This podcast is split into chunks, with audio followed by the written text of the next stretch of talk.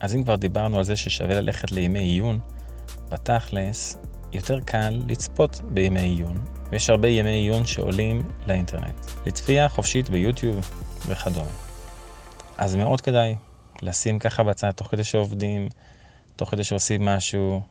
גם מצוין כמובן להיות על זה ולהקשיב ולהאזין, ולצפות בתכנים, בטח תכנים שהם קרובים לנו, בנושאים מסוימים, אם זה פתאום עיצוב ספרים, כנס שלם, או סביב אפיון, כנס שלם.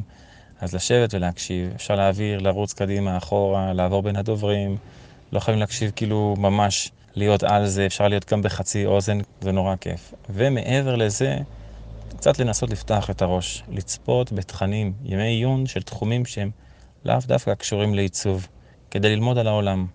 גם מבחינתנו להרחיב אופקים, ללמוד, להכיר. מעצבים גרפיים עובדים עם המון תעשיות. אז זה טוב טיפה להכיר קצת כל מיני עולמות.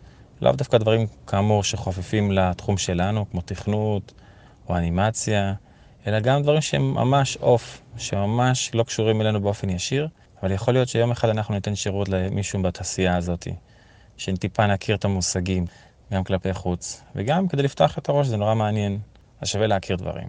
וזה שהכל נמצא באינטרנט, זה בכלל עושה את זה לקל יותר, אז כדאי.